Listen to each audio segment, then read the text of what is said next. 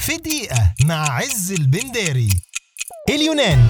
أو زي ما بيقولوا عليها إيلاثا وعاصمتها أتينا واللي هي أقدم عاصمة أوروبية واللي بيعيش فيها حوالي 40% من السكان واللي بيقدر عددهم بحوالي 3 مليون نسمة من أصل 10 مليون نسمة. اليونان عندها أطول خط ساحلي في البحر المتوسط واللي بيقدر بحوالي 13 ألف كيلومتر. باشا يعني لو عايز أسافر من بلشيم لأتينا أعمل إيه؟ يا جدعان حد يشوف لنا أي بياع فريسكا ولا عوامة على شكل وز عشان يسكت؟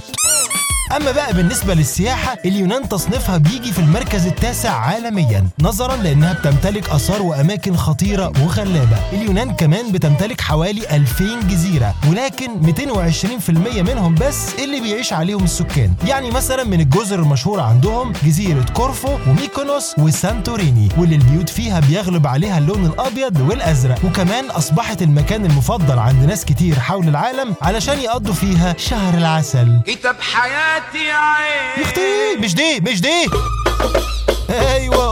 الكلام ما توديناش في داهية. كمان لو زرت أتينا يبقى لازم تزور معبد الأكروبوليس واللي بيعد تحفة معمارية تم بنائها في القرن الخامس قبل الميلاد وقوس هارديان وملعب باناثانايكو واللي اتعمل فيه أول دورة أولمبية سنة 1896 والملعب ده هو الوحيد في العالم اللي مصنوع بالكامل من الرخام الأبيض.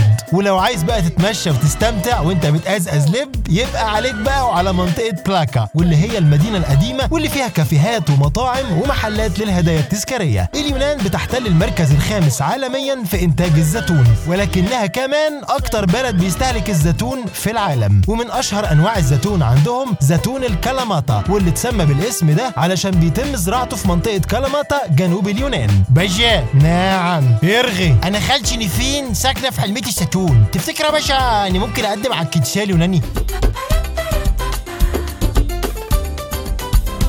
إيه، حصل خير يا جماعة إحنا آسفين. حصل خير حصل خير. ولو اتكلمنا عن الاختراعات اليونانية يبقى شد الكرسي وتعالى اقعد جنبي. ومن الاختراعات دي الطاحونة المائية المنبه الفنار الخريطة الورقية الونش اللي بيشيل الأدوات المعمارية والألعاب الأولمبية. ومن أشهر العلماء عندهم سقراط وأفلاطون في الفلسفة وأبو الهندسة ارشميدس وأرسطو وفيثاغورس عالم الرياضيات. ولو عايز تعرف عن الشعر اليوناني يبقى لازم تقرأ للشاعر الكبير قسطنطين كافافيس واللي اتولد ومات في مدينة الإسكندرية في مصر. ولما نيجي نتكلم بقى عن أشهر الرقصات في العالم يبقى لازم نتكلم على رقصة سيرتاكي واللي فيها شبه شوية من الدبكة العربية. باشا. نعم. مش مش سيرتاكي ده مطعم يا باشا؟ ولا سيرتاكي fried chicken.